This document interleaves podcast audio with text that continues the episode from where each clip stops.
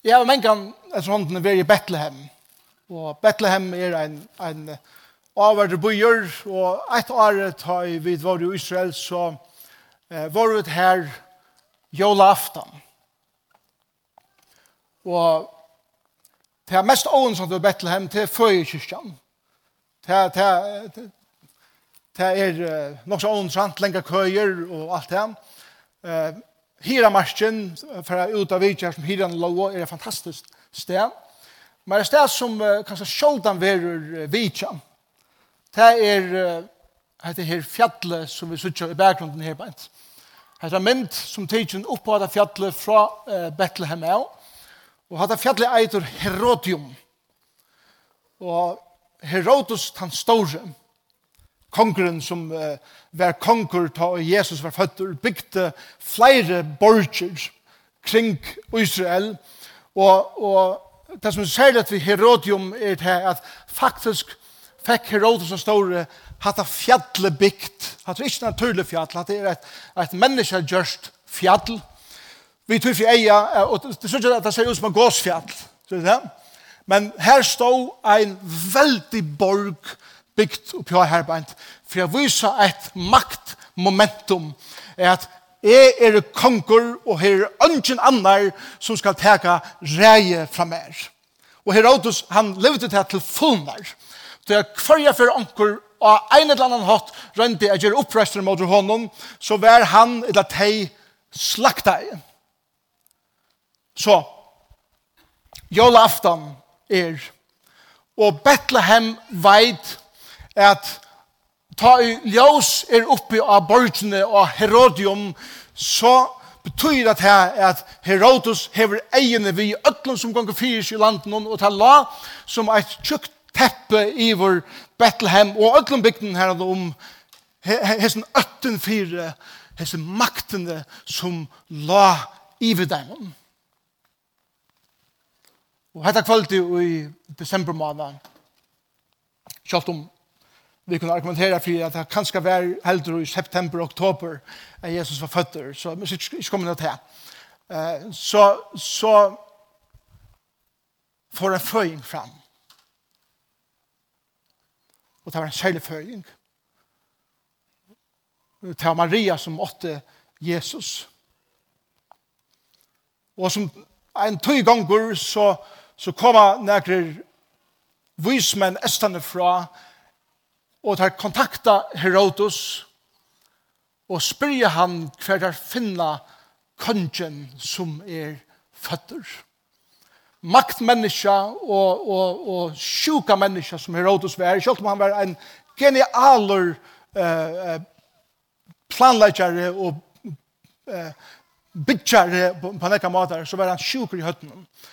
Han, han ser beina ved at konkur, Og han gjør bo så kjøtt som han høyre til, og at, at, at, at vismannen er ferdig av stedet han er alai, gjør han bå om at alle drøngjabøten i Bethlehem under tve år, eller tve år og nye etter, skulle være slakta i. Og vi kjenner det søvende.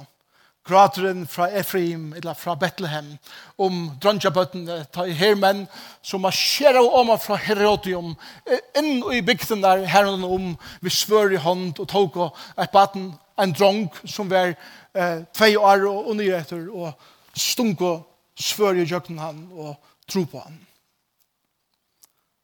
Til Herodos fyllte ikke at dette battene skal en dag blive konkur.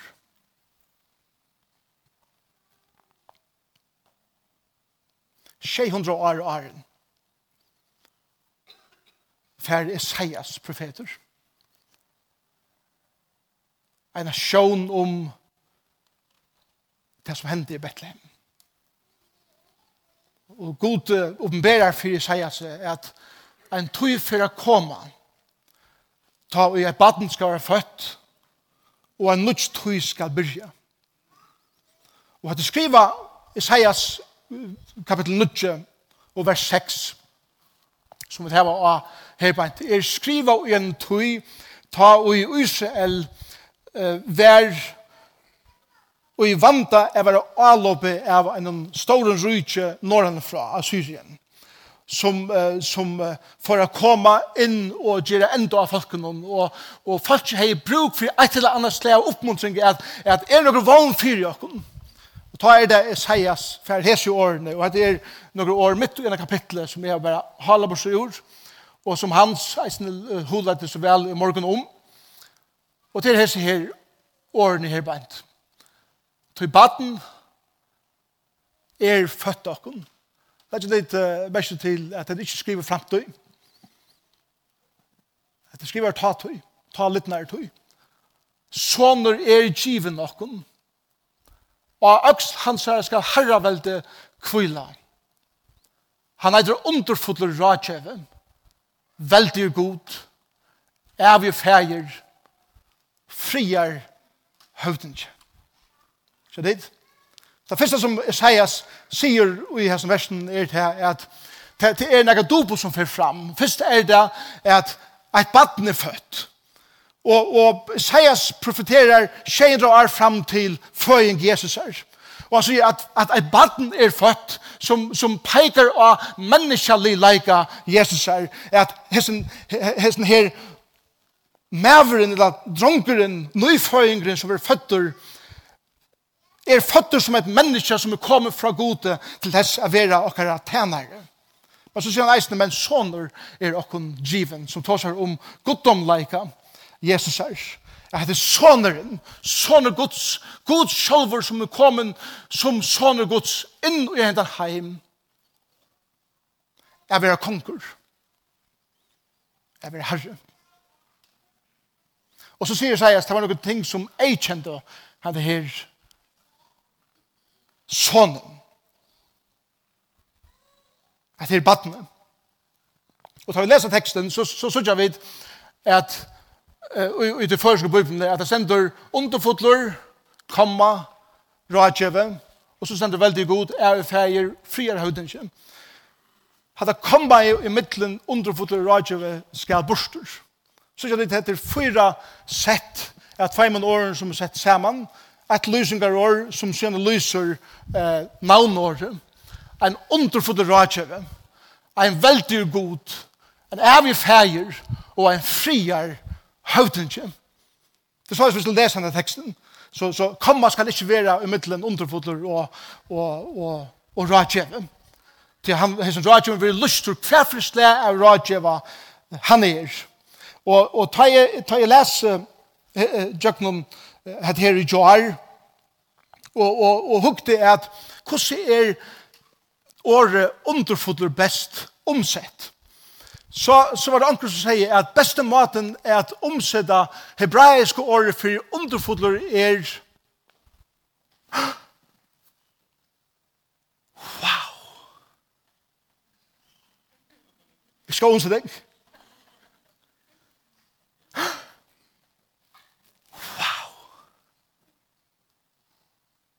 Og så kan vi se, jeg har sett mitt navn og telefonbøkene, og til videre, det er arbeid som Rajev. Wow, Rajev. Det er som, ha? Det er bare en som har tanntitlen. Rådgjøver kunne være vanlige, rådgjøver kunne være ok, rådgjøver kunne være gover, og rådgjøver kunne være genialer, fire av timen. Men ønsken er underfotler ønsken er, wow, tog at året underfotler er faktisk et, et, et, det er et bedre år for underfotler. Og det er et under av en rådgjeva. Det er samme som en rådgjeva som i jøkkensvinna rådgjøving fører et under inn i det menneske som han rådgjøver. Neka som ønske mennesker kan gjøre, lykka mykje hvordan går rat og djever, lykka mykje hvordan djupa vitan du hever terapeutist og, og, og salerlige og alt de tingene, så er det noen ting som vi sier, her til og langer klarer vi det ikke, nå må akkurat anna til og det er til året. Eit under av en rådgjøve, et en rådgjøve som gjør under i en menneske livet. Og det som jeg elsker mest vi eh, tog i parsten av eh, tog som jeg gjør i rådgjøving, er ta og at Og jeg er så glad for å være kommet her til eisen til. Det minnes da jeg begynte som, som rådgjøve, og, og at, og, og at rådgjøve folk, så først å si alt for folk er er det kvarste terapeut eller psykolog, er teolog. Men det som er rønt det gjør at det første årene som jeg var rædgjøver var øyelig ofte til at ok, jeg må, jeg må, jeg må doa teknikken der, jeg må doa at det ikke til folk kommer alltid til meg, jeg var anbo til dette her, og så rønt jeg finne anbo og så gjør. Men for en tøys siden har jeg sleppt ødlund høy. Og som oftast har jeg sier til folk, så, så råper jeg bare til god innan sånn, åh, god hjelp meg, jeg er ikke anus for hva jeg skal gjøre. Og så har jeg suttet at man setter seg etter å ha, og, og man tårer av være. Jeg så ikke under henta som god gjør i menneskeløyden er helt fantastisk. At oppleve. Og man, man, man stiller seg bare atter av, og man sier, jeg vet at jeg er unge er i husen her, til bare en som er før for jeg gjør hatt her, og til god. Og ta leie med til at jeg tilber han her underfotla, eller under, eller wow, god som er fyllt vi.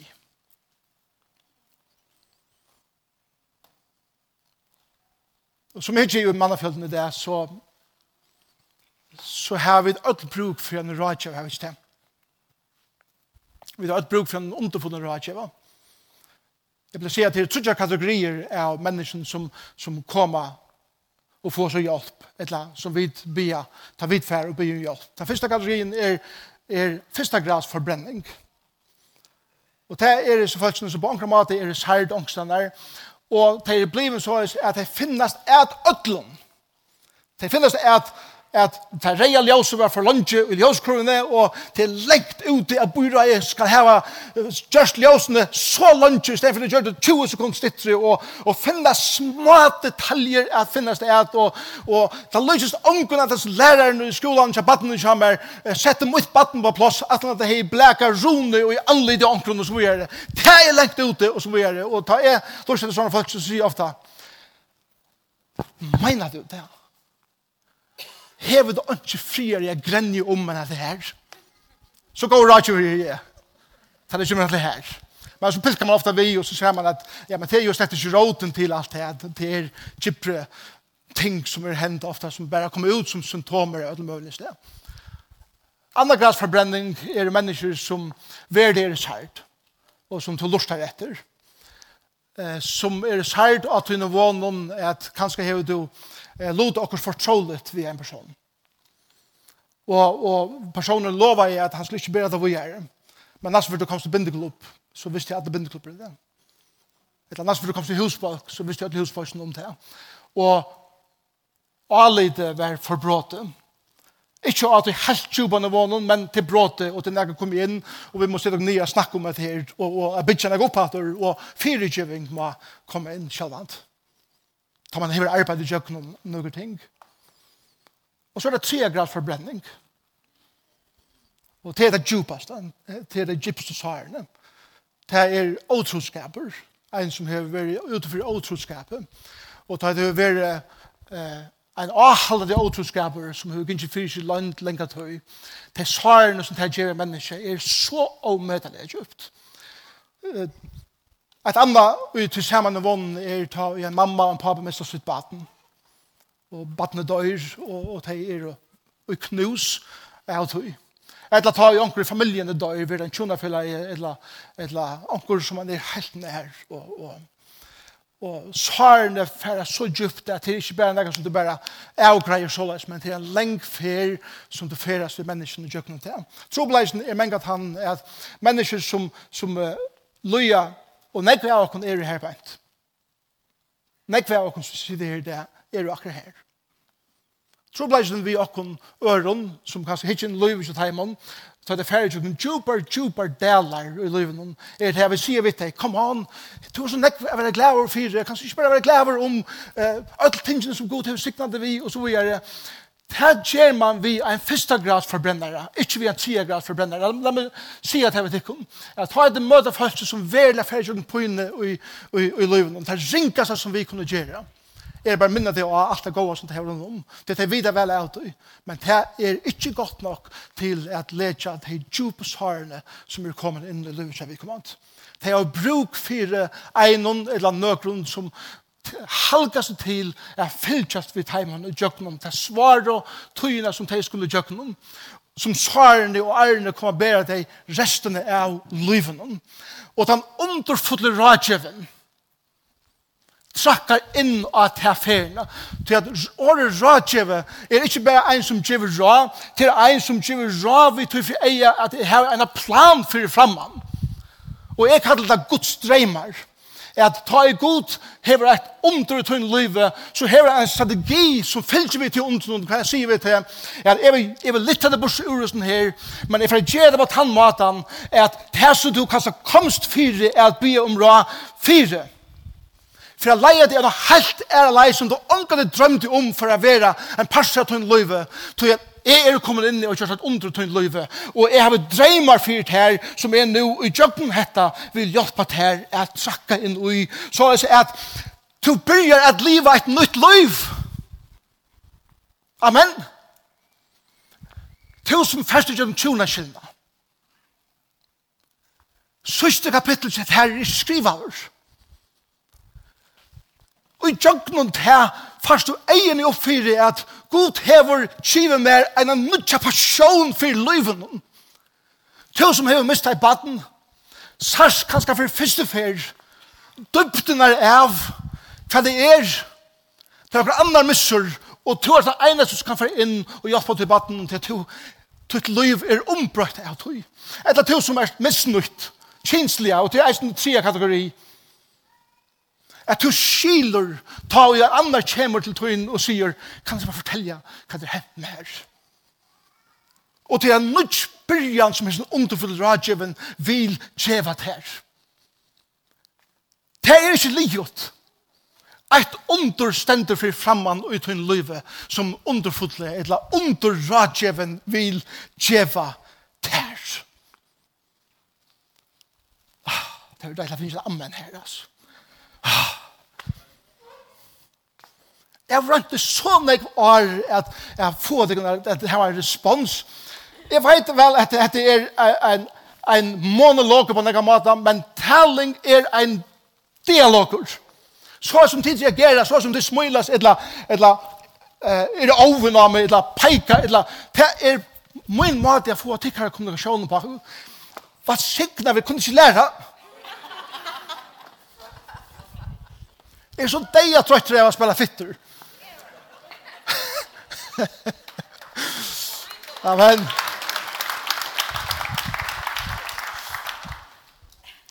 Nå, men det var det seg jeg forstår som.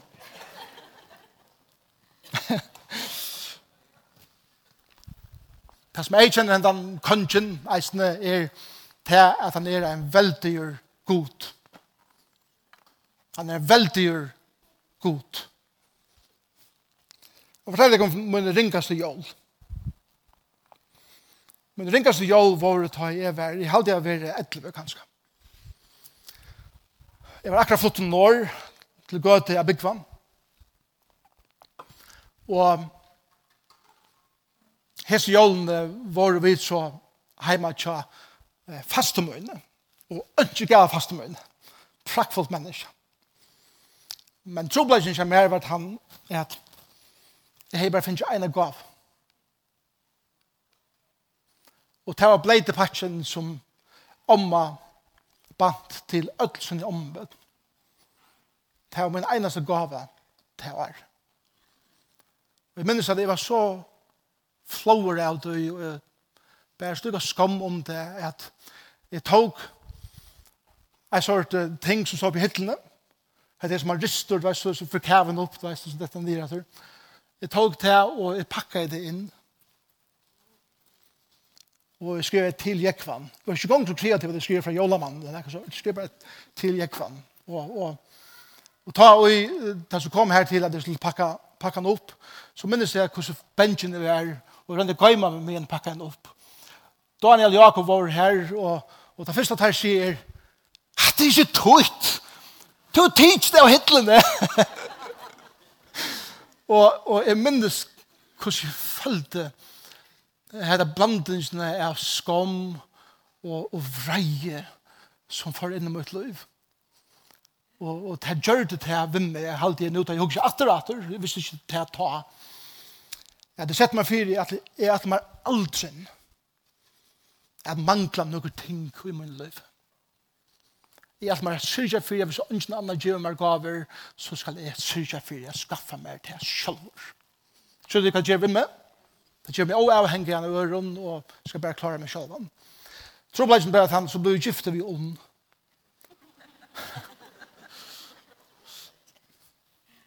og jeg har vært her ta noen. Jeg har mine egne ting. Jeg skriver navn av deg, Jekvann Zakariasen. Storsen. Etter mye. Så får vi til Amerika første før. Og det vet at man ferast nekvar tøymar i flåfærre, så fer man seg puten der, ja? så man blæser opp for at kvila nakkana sinter. Og vi kjeftet om hver sånne pute, og jeg skriver i storen bøkstaven, Jekvan Zakariasen, og han må inn pute. Så ser jeg på sjukker gjør det. Og, og, undrast iver snetta skrann navn, og han nakka pute du vet det. Jeg tar mye nakka på det. Måste fyrir vi forferast. Ta var hål kom jo en nakka på det. Ta nakka på det her navna. Og her står jeg Jekon resen. Og det var akkurat sånn. Jeg skriver en navn. Det er så jeg kunne jo argumentere for det at Jo, jeg kjenner han. Hatt min. Jeg kjenner han atter. Og så var jeg hjem. Og der begynner jeg og i mer enn alai, hver jeg begynner på løste fra oss nær atter.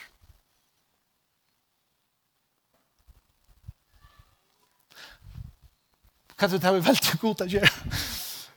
Det er vi veldig god å gjøre til det året veldig betyr hva er det som imponerer Hva er det som egen fenger? hva er du imponera av av i din liv? Det er det som veldig er betyr. Trobleisen til okkur menneskene er han at vi er så imponera av tog som er nesten best. At vi glemmer gløymer imponera av tog som er best. Vi vil imponere i okra vi vil imponere i okra tinkun, vi vil imponere i arbeidun, vi vil imponere i titlun, og vi vil størst ut og vi vil leggja nekva orsku ut det, men allan vegin og jøkken alt vi er til bæra nastu best, ta og i god vil djeva okon sig sjálvan som er best. Og prosessen er byrja a skifta om at ta nastu besta, som er god om en liv i mån til det som jeg har sett nummer 1 skal omskiftast Så les att är inte är som penere over av att som vi äger eller som vi uilaten, eller kan det köra och så vidare men är det er penere av få egen och för är god är nummer 1 i min liv, tror jag om jeg skulle mist allt hitt, så har vi näka som helter mer uppe ta i följe med i fri omfattle. Er det vi? Og hatt det som god innskyr, er at vi skulle minnast av jólum og i hese materialistiske tøyene. Vi kunne ikke gjøre vitt det. Hette er kommet fra vera. Men akkurat at det kan vera er at jeg som er ikke i hese her er gløyma. Jeg vil appetitin av honom som er for la og gjerne kroppe. som nu er konger. Og så sier han, vi er, at han er en avgjør fægir. En evig fægir. Og jeg vil ofte snakke med dere om, om, om god som fægir. Vet dere hva Anna gjør det til jålene, men ringas til jål? Jeg var, jeg var venner vi at jeg ikke var noen mamma. Det, det er alltid oppvokst som ikke har mamma her. Men til ringas vi til med jålen var det at pappa var heldig ikke. Og jeg var vi om og appa hjemme til fastemøyene. Og jeg sakna jeg ham.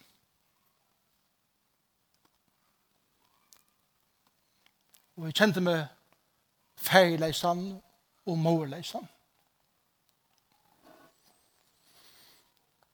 Og her er det vidt nekv i det. Er ikke det?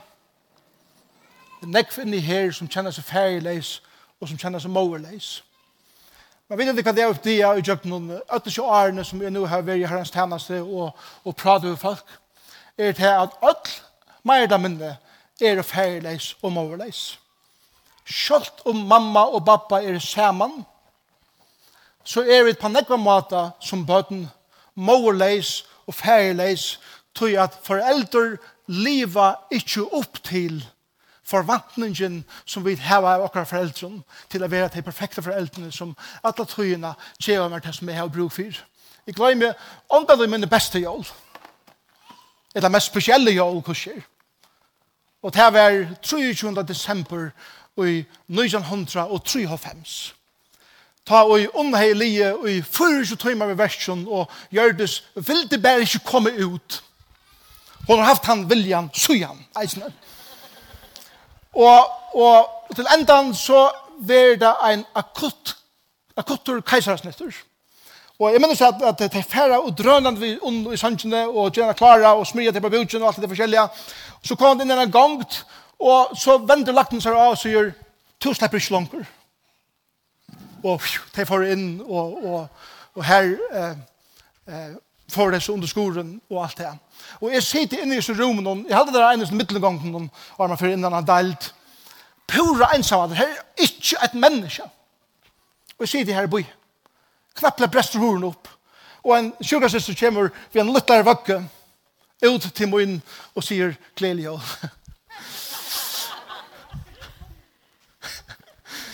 og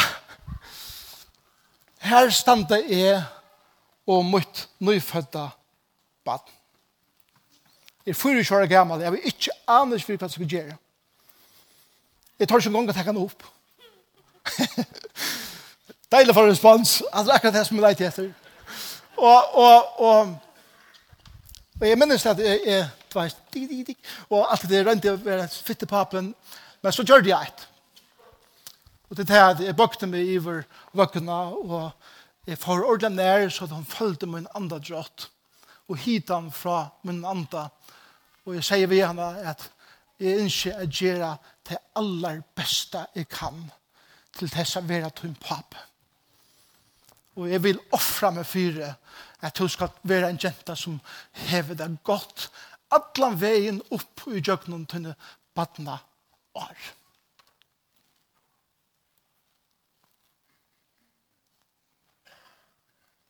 Og selv om jeg har rønt å gjøre det, så har vi jo i det samtale vi gjør det. Og ikke bare gjør det, så er det Josef og Karite, vi må inn i bøten, om hvert hei konkret peika av med og sier, Baba, to fattel som pape i hæsson og hæsson og hæsson og hæsson til at du skuffa heim eller at du sært henne. eller at du gjør det ikke det som jeg er vågnet for å gjøre, og i tøy og tøy og tøy situasjonene, og jeg føler meg svikna på nekka måter er tær. Og jeg mener ikke at du djupa nivånen av, av veldig omsorgnarsvikt. Det er også bare om det gemene tingene i løgn, men som korsene er stor. Så vi som er i bøten om her foreldre, og som er foreldre, vi færre omkant du at klare at liva opp til å være til foreldrene som gjør at jeg bøttene sier at vi er perfekt vi får alltid er fattla. Og forresten, til bøden, eller vi som er bøden til foreldren, vi har øyelig ofte fullkomlig urealistiske forventninger av hva for dere foreldre skulle leve opp til. Og vi bleker ting ut til det som vi halda de skulle lofta, og de klarer det bare simpelthen ikke.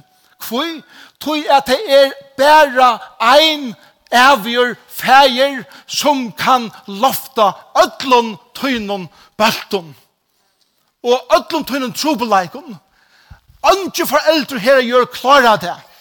Vi færa skuffa og vi vera skuffa.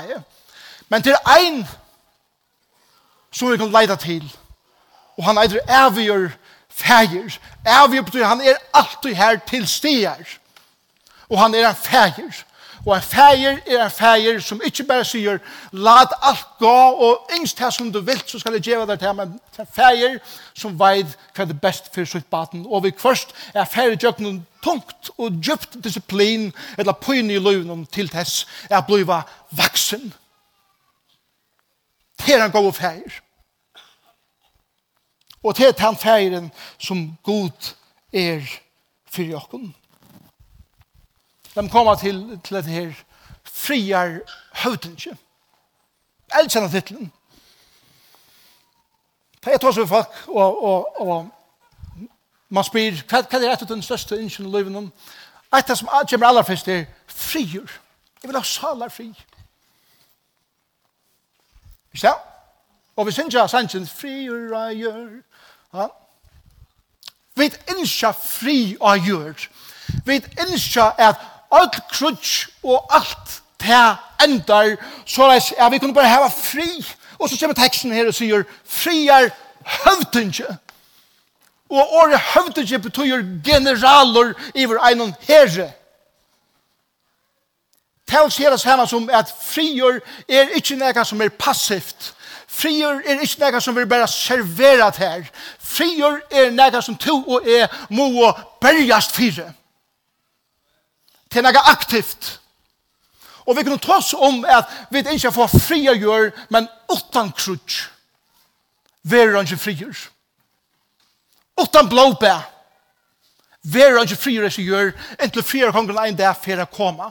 Hvis ikke ikke krutsk er, og som ikke fer etter teimen, og gjør enda teimen som, som bare slakta fra seg, så vil ungene frier ikke gjør. kvært krutsk bergist to fire.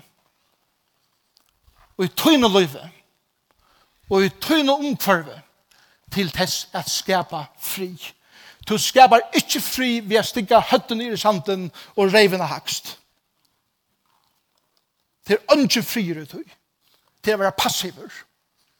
Og det er å unngå avvarskan.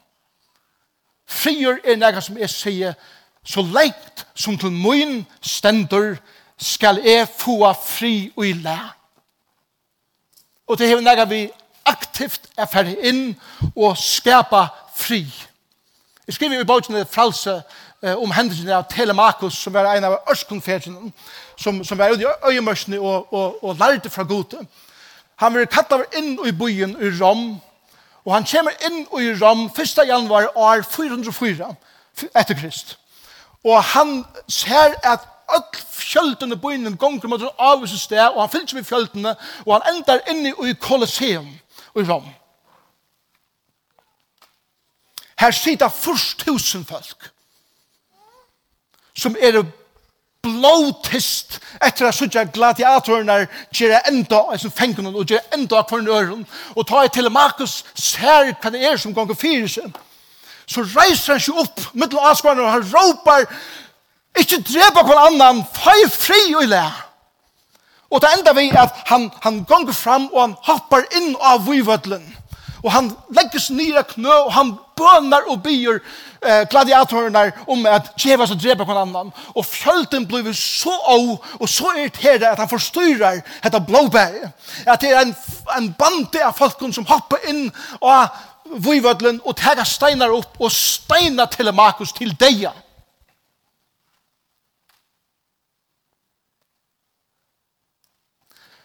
Og i samme løte som Telemakus fettel til gjerrar deier, blei fullkommen tøgn i kolosseum, først tusen folk, og du er hørst en nal dotte.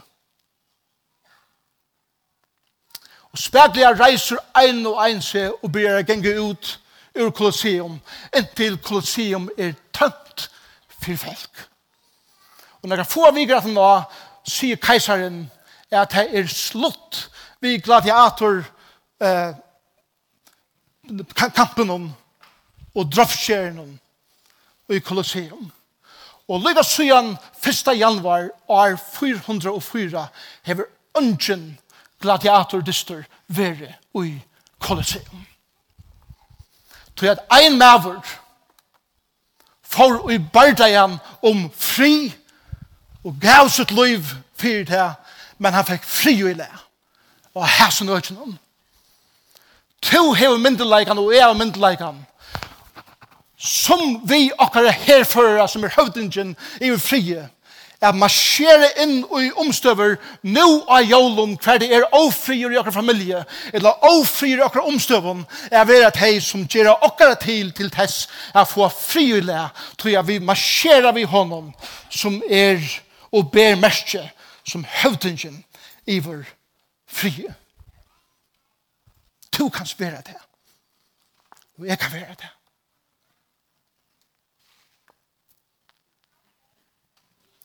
De som kom alltid til Herodos, som jente. Og jeg vet, at, jeg vet vel at flere av dere kan sitte her og huske spørningen. Ja, men jeg kan, hvordan blir det til at jeg opplever så lyde Jesus som min underfulla rådgjøver? Hvordan blir det til at jeg er så lyde imponerer og god til kjøtt, men be han om å åpenbære seg fire meg? Hvordan blir det til at at det røgnlige føler som er feir, men, men det er du så at, at, at, at, at få at feir forhold vi god. Og hvordan blir det til at jeg har en salar fri? Hvordan blir det til at det er sånn ofri i min høtte, selv om jeg bier til god om at jeg var mer fri? Og jeg hadde at, at i jar, eller når var det høstnattene, eller vi anvekere, fikk jeg Jeg vet ikke om det er ultimativa svære, men hvordan er svære som jeg ligger i teksten? Og det er at en av grunden for at vi ikke opplever Jesus som har underfull av rådgjøva, veldig god, evig affærer, frihøvdinga, er tro at vi har ikke enn gjørst han til herra i okkara livet. Men disse teksten, Baden er født okkon, soner er givet okkon, og øksl hans herra skal herra velde kvile. Og det var det som Herodes hæta i. Og det var det som Herodes drep fire. Og da jeg hittar min egna liv, så er det faktisk eisne det som er hæt. At dette battene i Bethlehem er ein konger som krever å være herre i munnen livet. Han er deiligere å bruke som underfull rådkjøve. Han er deiligere å føle som veldig en god. Han er ordentlig deiligere å føle som feir eller frier høvdinger. Men herre, funnet det her som frelsere. Men herre, herre i vår min vilja. Herre i vår min egen så er det som er suttje være lagt under hans herredøm. Herre er jo munnen tørvun er finna i feir i den mor i løyunum eller at han være med feir og herre. Og så gjerne eisen munnen sinne er få fri i mitt sinn jeg ikkje fyrir enn er bodje meg fyrir honom som herre. Og jeg hadde det er grunden for som nekker av oss konstruast, for jeg føler Jesus nær, så tror jeg at jeg vil ikke løyve honom, jeg kommer og tenker rei og i min som områd min løyve, Vi ved min tanken, eller min gjeron, eller, eller i min løyve, det vil jeg helst eie for meg sjølvan, og om, om det skal så koste at det dreper akkurst, så skal han ikke være her. Og han sier, jeg er konkur. Så får jeg ta henne kronene, fleste av oss vilja leva et liv kan vi bære hetta og høtten. Og jeg føler meg vel ved en kongreksjon av min høtte. Og Jesus sier vi med, og han sier vi til at det er bare ein som har plass for en kongreksjon av sin høtte, og det er jeg. Men hans her kongreksjon var ikke hentan. Hans her kongreksjon var hentan. Det var en krona av en ørensle. Det var en krona som vi ikke svanta. Det var en krona som gjør at vi sier, wow! At det som kongeren som var født som et baden, som har skapt heimen og heldur alt det sin i hånd, tog av seg en krona til å gjøre seg sjåan fyrir, at skapningren kunne ha en vogn inni av samfunnet vi han som eier tutt og mitt liv. Og tog jeg mye kall, først og fremst til min sjølvan i morgen, men åkken og ødel. Er hett her. Jeg vil to henda mannen. Vi vil byrja og se det fire, at jeg vil gjøre Jesus til Herre i min liv. At han teker omrøye, at han omrøye, og ødje, at han ødje. Lyga mye hos lenge tøyta teker, og det vil resten av min liv. Jeg vil leva ved tøy at tøytene, at jeg vil gjøre meg til han så først til å oppleve Jesus meira verlig som underfotan rådkjeva, som er veldig en god, som er evig en feir, og som frier høvdinga og i tøynen løyve. Vi vil skje det Byrja ut i små, jeg sier herre, vis meg, for jeg vil være konger, men for jeg vil til tøynen. Og i det, og i det, ta det kommer hjemme. Og i råten av ötlens månaden som det december månaden er, er ötlen som, som vi vil hava. Jeg gjeva det til herran og sier, hjelp meg ikke gløyma til. Vi ötlen.